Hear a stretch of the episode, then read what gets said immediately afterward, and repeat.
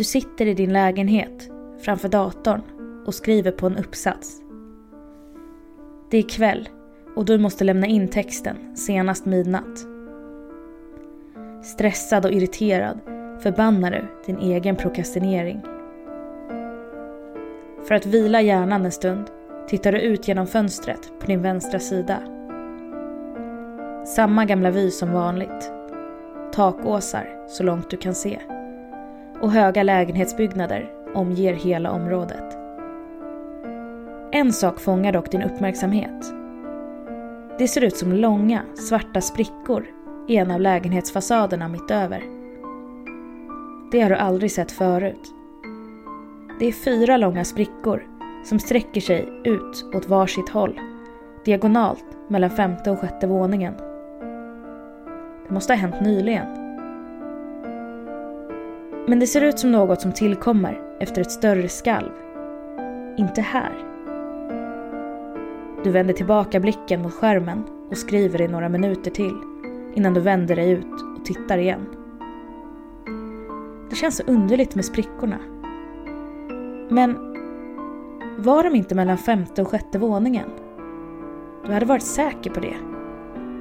Nu ser det ut att vara mellan våning sju och åtta. Förbryllat ställer du dig upp och går så nära fönstret du kan. Vad i helvete är det som pågår?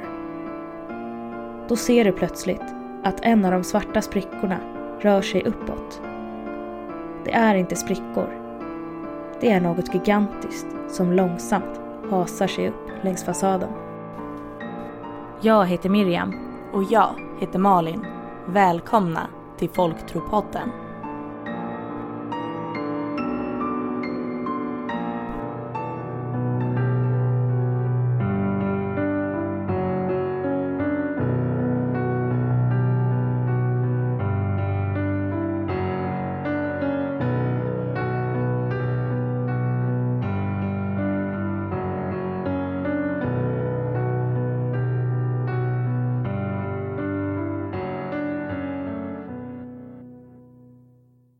Hej och välkomna till ett nytt avsnitt av Folktropodden.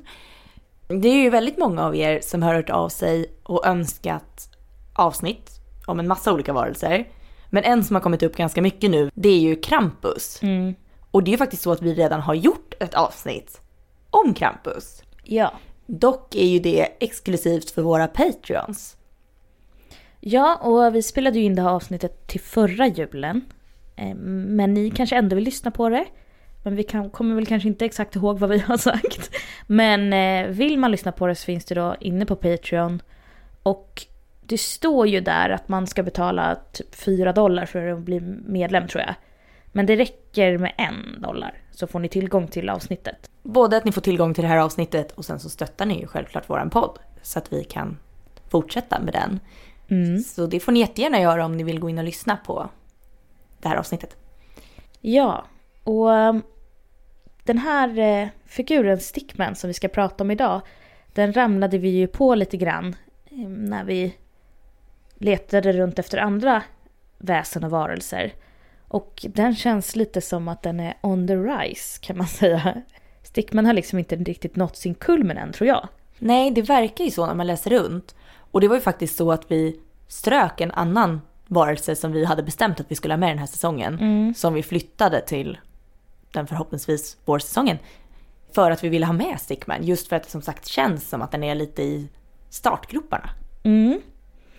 Och vi kommer ju läsa, eller ja, ni kommer få höra mer i själva faktabiten då, men, men den har ju bara funnits i så så här 10-12 år någonting. Eller Mm. det har pratats om den så länge ungefär.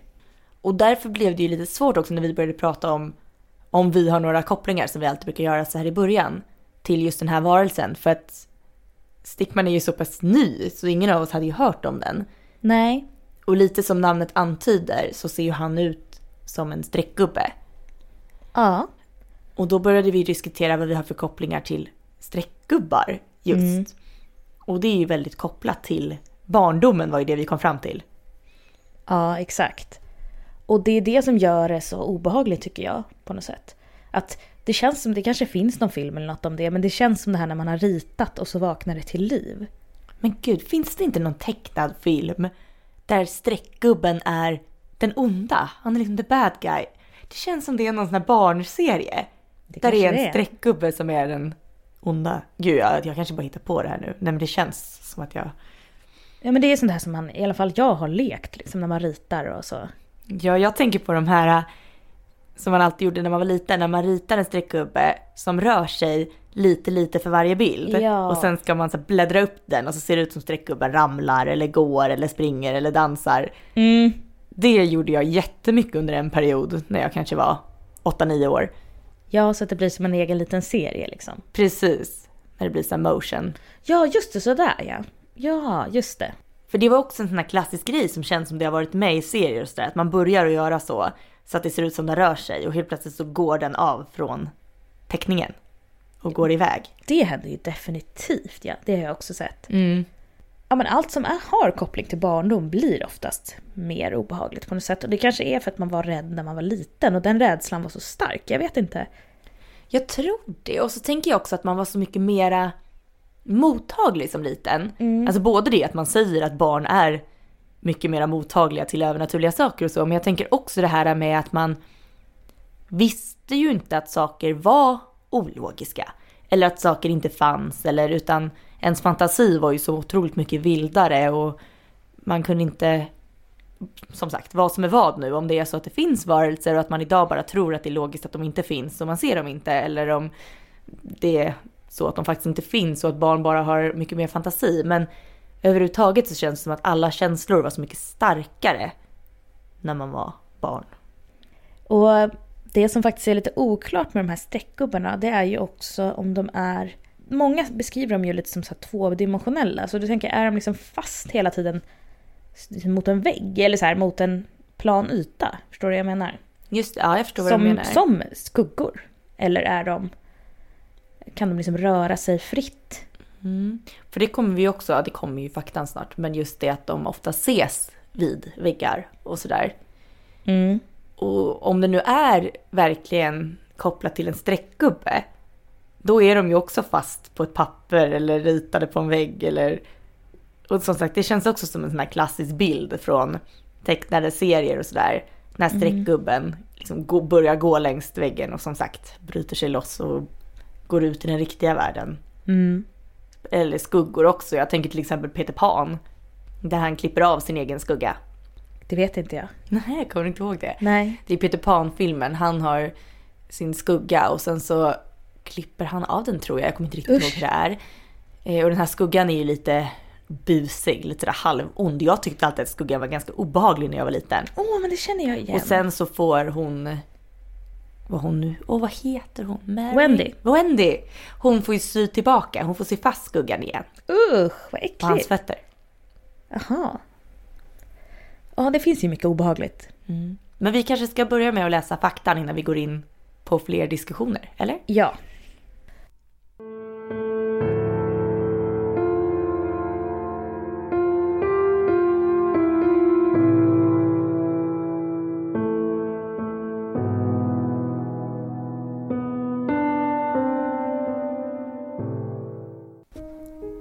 Visst har vi väl alla ritat streckgubbar?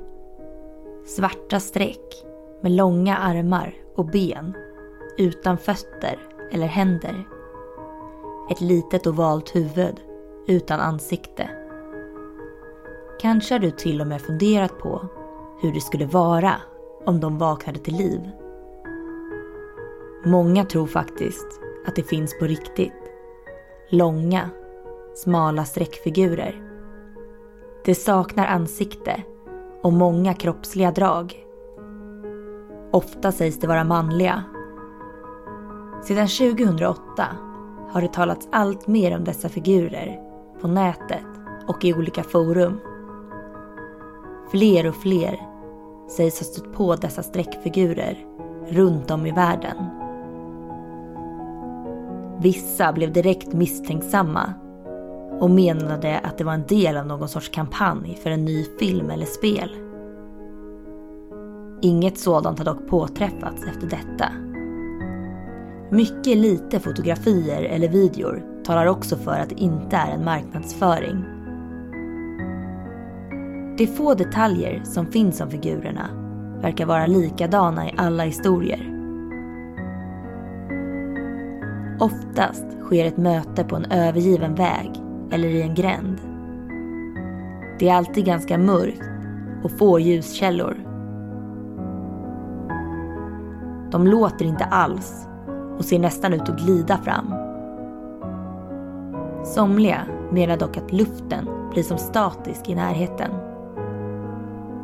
De flesta möten sker utan att något egentligen händer.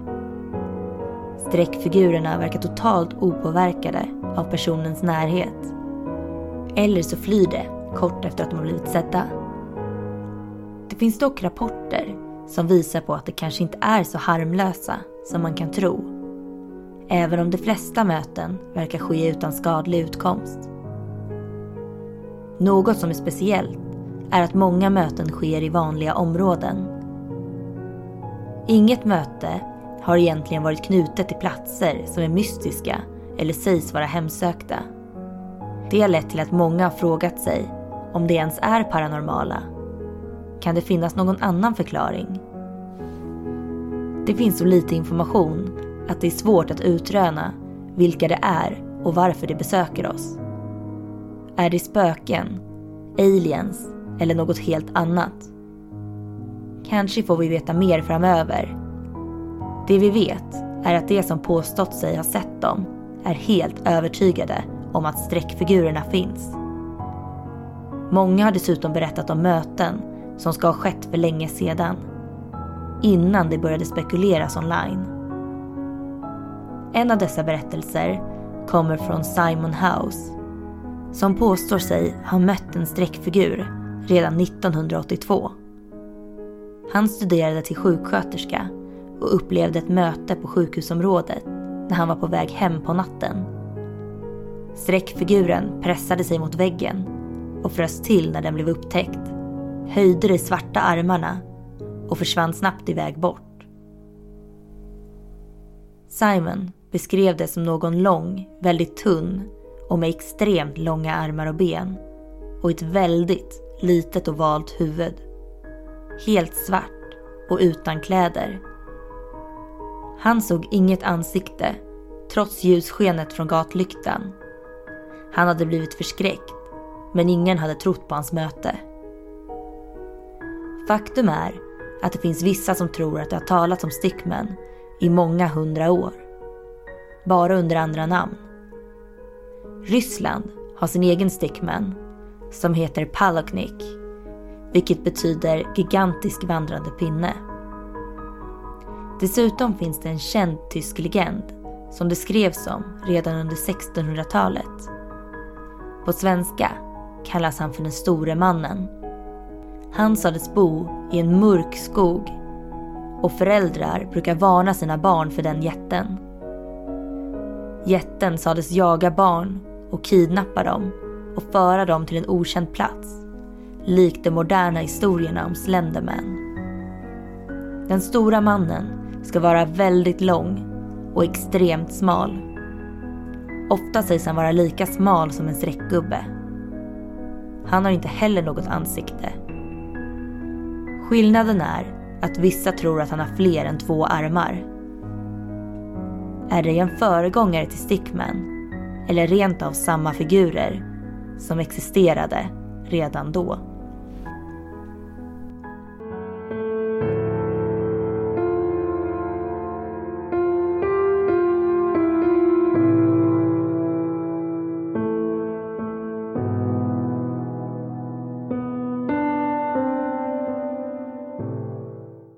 Det som slog oss och som vi kommer dyka in lite mer på det är ju Stickmans många likheter med andra kända väsen och varelser. Men något som jag kommer tänka på nu det är, för vi försöker ju ofta klura lite grann på varifrån de här eh, historierna kommer. Och det här med att de ofta pratar om att Stickman liksom inte har gjort någonting än mot någon. Mm. Vad är då hans så, så syfte så att säga? För att de flesta är ju till för att skrämma men här uttrycks det ju ganska tydligt att ja men han, vi vet inte, oftast gör, händer det liksom ingenting. Nej, precis. Och min tanke är väl lite det här att det, vi pratade lite om det, att det är så lätt att tro sig se någonting som är som en skugga. För att, ja men jag, jag drog ju exemplet att till exempel hur ofta har man inte sett en stol med kläder på i sitt rum och Mm. trott att det sitter en gubbe i hörnet. Mm. För att hjärnan spelar en ett spratt just för att den vill försöka make sense av vad den ser och gärna göra ansikten och kroppar och saker vi känner igen. Och då tänker jag att den här figuren i sin simpelhet, den har inget ansikte, den är helt svart, den har ett huvud, den har armar, den har ben. Mm. Det är väldigt lätt att lura sig själv att man ser det. Mm. De pratar ju också om att den ofta ses i mörka gränder. Där det kanske bara finns en gatulampa, det vill säga det är väldigt dunkelt och mörkt ljus. Skuggor kastas åt alla håll, det kanske är någon stupränna eller en gatulampa eller liknande. Mm. Så man får för sig att så här, men gud jag såg någonting där, jag lovar att det stod en man där som inte hade ett ansikte. Jag vet inte, den känns väldigt lätt att fantisera ihop. Och också som jag sa att det är lite bekvämt att man ofta ser den när man är helt ensam i en mörk gränd. För det finns ju inga vittnen som kan klargöra om det är sant.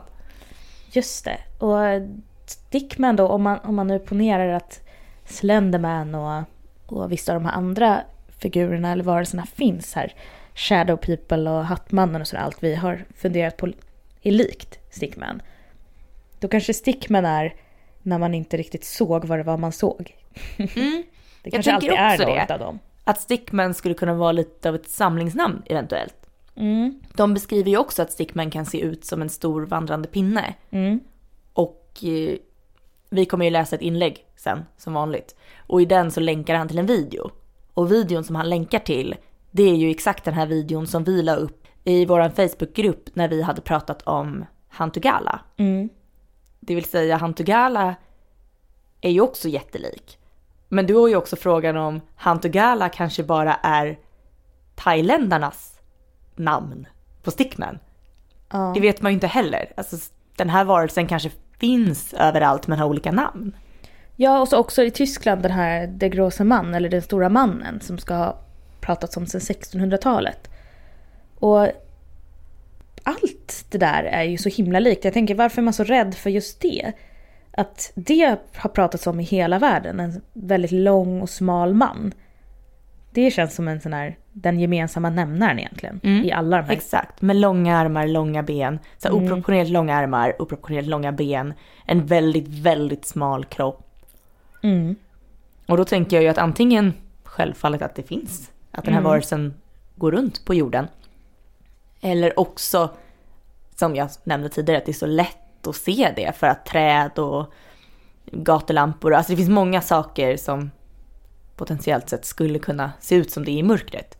Ja, och det blir ju alltid så svårt för att i och med att den här Stickman då nämndes vid namn första gången runt 2008 så har det ju kommit historier i efterhand som berättar om att de visst har sett Stickman fast på 80-talet och 90-talet och sådär.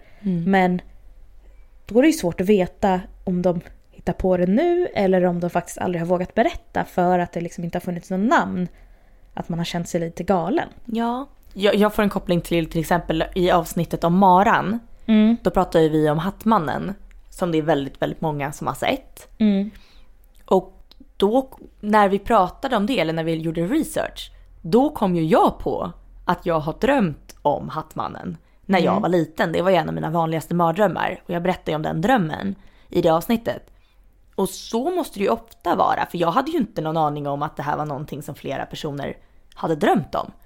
Vi pratade ju om innan också att min Hattmannen var ju också jätte, jättelång, jättesmal med långa armar och långa ben. Mm. Så han kanske inte var så klassisk. Han hade ju den här svarta höga hatten. Men i övrigt var han inte så klassiskt lik Hattmannen. Han var ju mycket mer lik de här bilderna av Slenderman exempelvis. Så såg han ju mer ut. Och jag, jag tror att vi har läst någonstans, det här är definitivt inget vi har kommit på själva i alla fall, men att när det är liksom dåliga tider i världen så, så kommer det mer väsen och varelser dyker upp.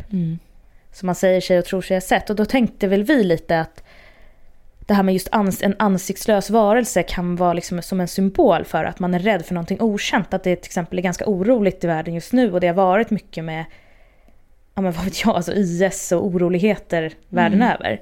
Och att man då pratar mer om just sådana här typer av eh, väsen. Ja, och det låter ju som sagt väldigt logiskt för just det att man vill... Det är så mycket skönare att vara rädd för något konkret Mm. än att vara rädd för något som sagt okänt. Ja. Och just det här med ansiktslöshet, det har jag sett förut att det har varit liksom som en symbol för okända saker. Mm. Jo, det vet jag också att det brukar vara en sån här känd sak, Ja. sak som händer tänkte jag säga. Men det, En sak som kanske gör dem lite mer konkreta det är ju det här med ja, men elektriciteten börjar flimra och sådär. ja, och då blir det ju mer tillbaka till så spöken och det verkligen paranormala. Ja. Det här med spökjägare och sånt där, att man kan mäta elektriciteten i rummet. Mm. Och också det som vi pratade om. Vi eh, läste ju också att man kunde känna av aggression när man stötte på stickmän. Ja. Man kunde känna sig aggressiv och vilja göra aggressiva saker. Och det får mig att koppla honom till ångest. Ja. Jag vet Just inte. det. Och apropå det så var det ju flera som kopplade Stickman till doppelgangers och ens dubbelgångare. Det. det. här med att det är ens onda sida och att man kanske har begått onda handlingar och har just ångest. Vi har ju länge pratat om, bara där i Peter Pan som du säger, att människans skuggsida och att skuggan på något vis är som en, kan vara som en ond variant av oss och sådär. Jo men det pratas ju väldigt mycket om de här shadow peoples också. Och det är ju också lite av ett samlingsnamn till ganska många olika varelser. Till exempel Hattmannen är ju en version av the shadow people. Eh, Och det är ju just de här varelserna som man inte riktigt kan urskilja konturerna på. Och, ja, spöken och liksom, ja. Jag är inte jättepåläst om just dem, men jag vet att det kom upp när vi gjorde research om Hattmannen till exempel. Att han var en shadow people. Ah. Det inlägget vi ska läsa nu, i det inlägget så är ju Stickman både vad man skulle kunna se som ond, men även fysisk. Alltså han finns ju i den fysiska världen. Mm. Jag skulle nog definitivt säga ond. Ja, och eh, inlägget är skrivet av eh, The Scandalist. Det finns inte särskilt många ryska myter och legender. Inte för att vi saknar fantasi. Jag antar att våra tankar ofta är ockuperade med mer riktiga hemskheter än att komma på något overkligt. Det finns dock en legend om en varelse som vistas på gatorna i Moskva. En figur som man bara kan möta i den svarta natten och som först kan misstas för en gatlampa eller ett träd. Främst på grund av de ovanligt långa lemmarna. På internet kallas den för Paloknik eller Stickman på engelska. Låt dig inte luras. Trots det tråkiga och oinspirerande namnet tycker jag att det är en av de mest fruktansvärda legenderna. För olikt många andra myter är denna verkligen sann? Jag säger inte det här för att jag är lättköpt och direkt tror på läskiga internethistorier. Utan för att jag har sett den med mina egna ögon för tio år sedan. Långt innan massor av andra historier började dyka upp om den på internet. Jag var bara 15 år då och gick fortfarande i skolan. Jag var en av de tursamma personer som faktiskt bodde i samma byggnad som min vän. Du kanske ser sådana där längor av hyreslägenheter framför dig. Men det var som en stor byggnad i form av en cirkel. Så vitt jag vet är den det enda i sitt slag i hela landet. Det fanns en stor gård med lekplats, trottoarer och flera garage i mitten. Han bodde på andra sidan gården och våra fönster såg båda ut över den.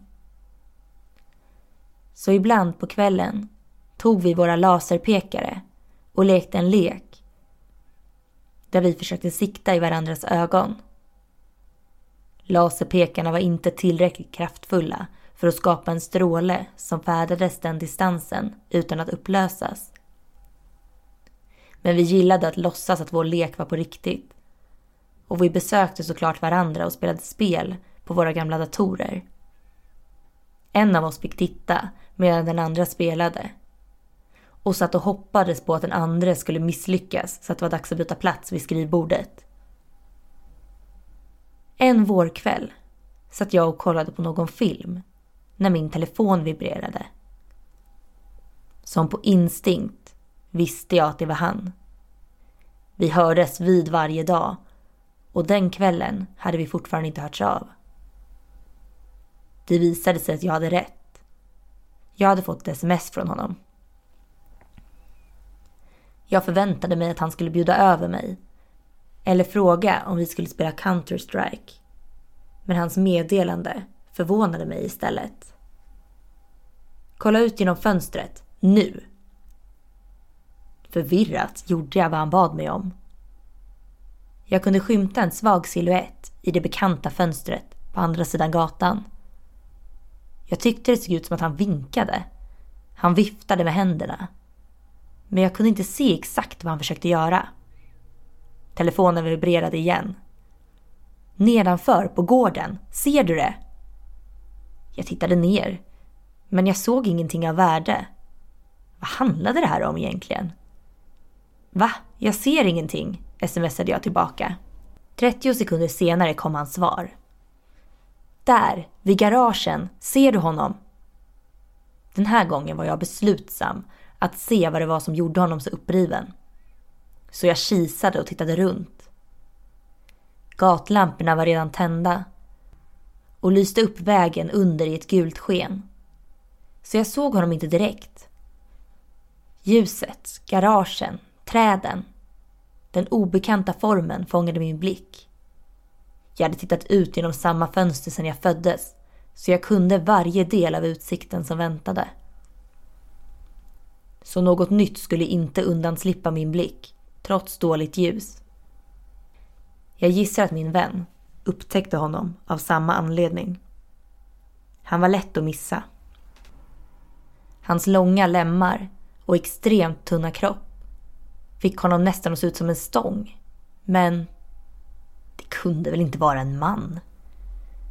Jag tittade på träden bredvid honom. Som någon sorts referens. Jag hade inte fel. Den mystiska figuren var åtminstone tre meter lång. Jag ser det. Mannen. Vad fan är det för något? frågade jag. Mina tankar höll på att spåra ur. Min barnsliga sida ville att det skulle vara något läskigt som jag kunde skryta om nästa dag i skolan. Men innerst inne visste jag att det inte kunde vara något levande. Det var antagligen någon konstig installation. Och i mörkret så fick min hjärna det till något som såg ut som en humanoid. Sedan kom meddelandet som fick mitt leende att falna. Jag vet inte mannen, du ska se när den går. Jag tittade ut genom fönstret. Drev min polare med mig? Figuren hade bytt position något. Såg du när den rörde sig? Jag fick frågan i ett nytt sms från min vän. Nej, det gjorde jag inte, skrev jag tillbaka. Då såg jag hur den rörde sig. Trots det långa avståndet blev det genast självklart att det här inte var någon människa. Dess rörelser var tydliga, snabba och mjuka på samma gång. Det var inte bara ett steg. Det var som att dess lemmar bara övergick från en form till en annan. Trots det kunde jag även på det här avståndet se att figurens lemmar böjde sig på fler ställen än vad som var normalt. Och hur onormalt den placerade sin vikt. Figuren avslutade sin rörelse och frös fast på plats igen. Fullständigt stilla. Jag antar att den verkligen försökte se ut som en gatlampa. Min telefon plingade till igen. Såg du det där? Hur coolt? Jag ska springa och hämta min pappas kamera. Kanske hade det mest rimliga varit att stoppa honom. Att be honom att inte dra uppmärksamheten till sig. Men jag var bara ett barn då och hade helt andra prioriteringar. Är den digital? skrev jag tillbaka till honom. Mer fokuserad på om man skulle kunna dela med sig av bilderna. Vid det här laget hade jag förstått att det var något övernaturligt. Kanske till och med farligt. Men jag var högt upp i min lägenhet och kände mig glädjefylld över hur fantastiskt det skulle vara att få visa de här bilderna i skolan imorgon. Och den, vad det nu var, var långt ner på marken. Hur skulle jag ens kunna föreställa mig att den trots vårt avstånd skulle kunna utgöra ett hot? Hur skulle jag kunna veta att den kunde klättra på väggar? Jag fick ett nytt sms av min vän. Jag fick den! Jag såg ut genom fönstret och mycket riktigt kunde jag se hans siluett där igen med en stor proffsig kamera i handen. Han skulle nu ta sitt sista foto i livet. Om han hade vetat hur man hanterade den där kameran så hade han förstått att det var meningslöst att använda blixt på ett sånt stort avstånd. Men hans pappa hade förbjudit honom att ens röra kameran i rädsla för att pojken skulle ha sönder den. Så när han nu tryckte på blixten lyste hela gården upp. Varelsen reagerade direkt. Dess huvud vände sig blixtsnabbt för att se varifrån ljuset hade kommit. Sen började den röra sig baklänges mot min vän. Huvudet var fortfarande vridet i 180 grader. Dess knän flög högt upp i luften och den vände aldrig på kroppen medan den gick. Endast lemmarna gjorde det vid ett tillfälle. Utan att det störde varelsen för ens en sekund. Min väns siluett försvann. Utan tvekan på grund utav varelsens närvaro. Jag fick ett meddelande som var fyllt av panik. Åh herrefud, jag trosen så mig. Varelsen blev längre för varje steg. Benen sträcktes ut och varje steg tycktes längre än det föregående. Den var snabbare nu. Gick så fort den kunde utan att börja springa. När den kom fram till väggen tog den tag med båda händerna och med ett litet hopp lyfte den sig enkelt upp på den och började krypa upp för väggen som en stor fyrbent spindel. Det såg ut som att tyngdlagen inte berörde den alls. Jag är i min garderob. Är den kvar? Det var det sista meddelandet jag fick innan varelsen kröp in genom min väns fönster. Jag kunde nu bara se skuggan av den medan den snabbt rörde sig in i lägenheten. Jag visste inte vad den gjorde med honom. Det är fortfarande ingen som vet vad som hände den natten. Jag vet bara att när varelsen var klar så var min vän borta. Jag minns bara att jag såg dess siluett i fönstret. Jag kunde tydligt se hur den plockade upp något från marken. Sen vände den sitt huvud åt mitt håll och jag kastade mig ner på golvet för att gömma mig. Den kunde väl inte se hur min vän hade diskuterat med någon om att ha sett den. Den har hans telefon tänkte jag i panik. Men den kunde väl omöjligt förstå hur man använder den. När jag vågade kika fram igen såg jag att varelsen inte var kvar i min väns rum. Den rörde sig redan åt mitt håll. Varelsen hade nu en stor uppsvälld säck på undersidan av magen som skakade när den rörde sig. Jag föll ner på knä och kröp snabbt ut ur min väns rum och låste in mig på toaletten. I min panik tänkte jag inte ens på att ringa mina föräldrar som satt i det andra rummet och tittade på någon komedi. Jag kunde helt enkelt inte se hur de skulle kunna hjälpa mig i den här situationen. Jag satt där inne i säkert en timme innan min pappa bestämde sig för att kolla till mig. Jag hörde hur han gick in i mitt rum och argt beordrade mig att komma ut från badrummet och städa upp på rummet. När jag kom ut från toaletten gick det upp för mig vad som faktiskt hade hänt och jag började gråta av rädsla. Min pappa tröstade mig, men han var väldigt förvirrad. Han kunde inte förstå varför mitt fönster stod öppet och varför alla mina kläder låg utslängda på golvet. Men för mig fanns det ingen tvekan om vad det var som hade hänt. Om jag hade stannat i mitt rum eller gömt mig i garderoben som min vän så hade det varit två försvunna personer nu. Min väns kropp hittades aldrig. Men jag har hittat andra personer som mig. Andra personer på internet har också sett det. Det finns foton och videos. Så jag vet att den fortfarande finns där ute. Letandes efter sitt nästa mål mat. Och antagligen efter mig. Så jag måste vara redo. Jag undviker fortfarande gatlampor och träd på natten. Jag är fortfarande rädd för att inte vakna. Och trots att jag nu bor på elfte våningen är jag rädd för att se dess blanka ansikte varje gång jag tittar ut genom fönstret.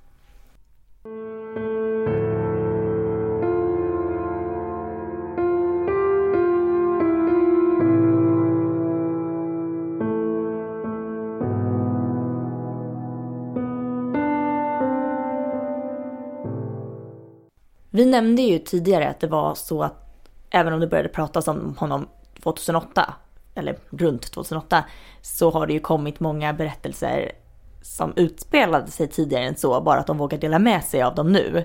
Bland annat då den här som sa att han hade sett en stickman 1982. Och det är ju samma sak i det här inlägget. Att den här personen som skriver såg ju den här varelsen som barn. Och nu har han scrollat runt på internet och hittat fenomenet stickman. Och bara men oh shit, det var det här jag såg. Mm. Och då får han ju helt plötsligt en förklaring till vad som hände med hans vän. För han har ju aldrig vetat under alla de här åren vad som egentligen hände. För vännen är bara försvunnen, eller hur? Ja, han ser ju att varelsen har fått en stor mage så man kan ju anta vad som Oh. hände. Fy alltså. Och det är ju någonting med det här som vi har pratat om tusen gånger men jag tänker på det här med humanoider återigen. Att de är, för jag läste lite mer om just humanoidbegreppet idag.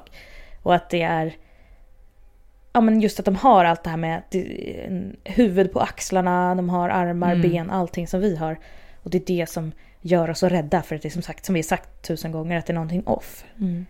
Och det känner jag ju verkligen med den här berättelsen också när han beskriver hur den här varelsen rör sig. Att lemmarna böjer sig på ställen där de inte ska kunna böja sig och jag får rysningar bara av att läsa det. Mm. Och också när de ehm, blandar in en människa med någonting som är lite djuriskt. Alltså att de gör någonting som inte vi skulle göra riktigt. Oh, och jag kom att tänka på nu faktiskt, något vi inte har tagit upp. Som är att eh, vi har en kompis som drömde att eh, det satt en typ man ungefär, som såg ut som ungefär en man, va? på huk i min hall. Hon drömde då att vi satt allihopa, du, jag och hon då tror jag, pratade med den här figuren. Och sen så um, när jag skulle gå på toa på kvällen så tyckte jag mig bara så snabbt se en man som satt på huk på köksbänken med liksom händerna vet, så här, mellan knäna. Mm. Så klassiskt obehagligt på huk. Ja, eh, och jag kopplade det inte alls för jag, jag eh, blev såklart rädd. Och så gick jag in istället och tände och kollade. Och då var det ju såklart ingenting, det var bara någon synvilla. Men sen så påminde ju vår kompis oss om det här. Att hon faktiskt hade drömt just det, att det satt en man på huk. Och just det här också att även i hennes dröm var han ju liksom bortvänd och i min så var det så mörkt så att man inte kunde se. Så det är ju alltid det här ansiktslösa Så uppenbarligen bor det något riktigt jäkla vidrigt här där vi sitter och spelar in för det är ju din lägenhet vi är. Mm. Men eh, det är också det här med humanoid och som sagt hur lätt tror jag det är att se just den formen. Ja. Att sitta, en människa som sitter på huk, det måste ju vara väldigt lätt att...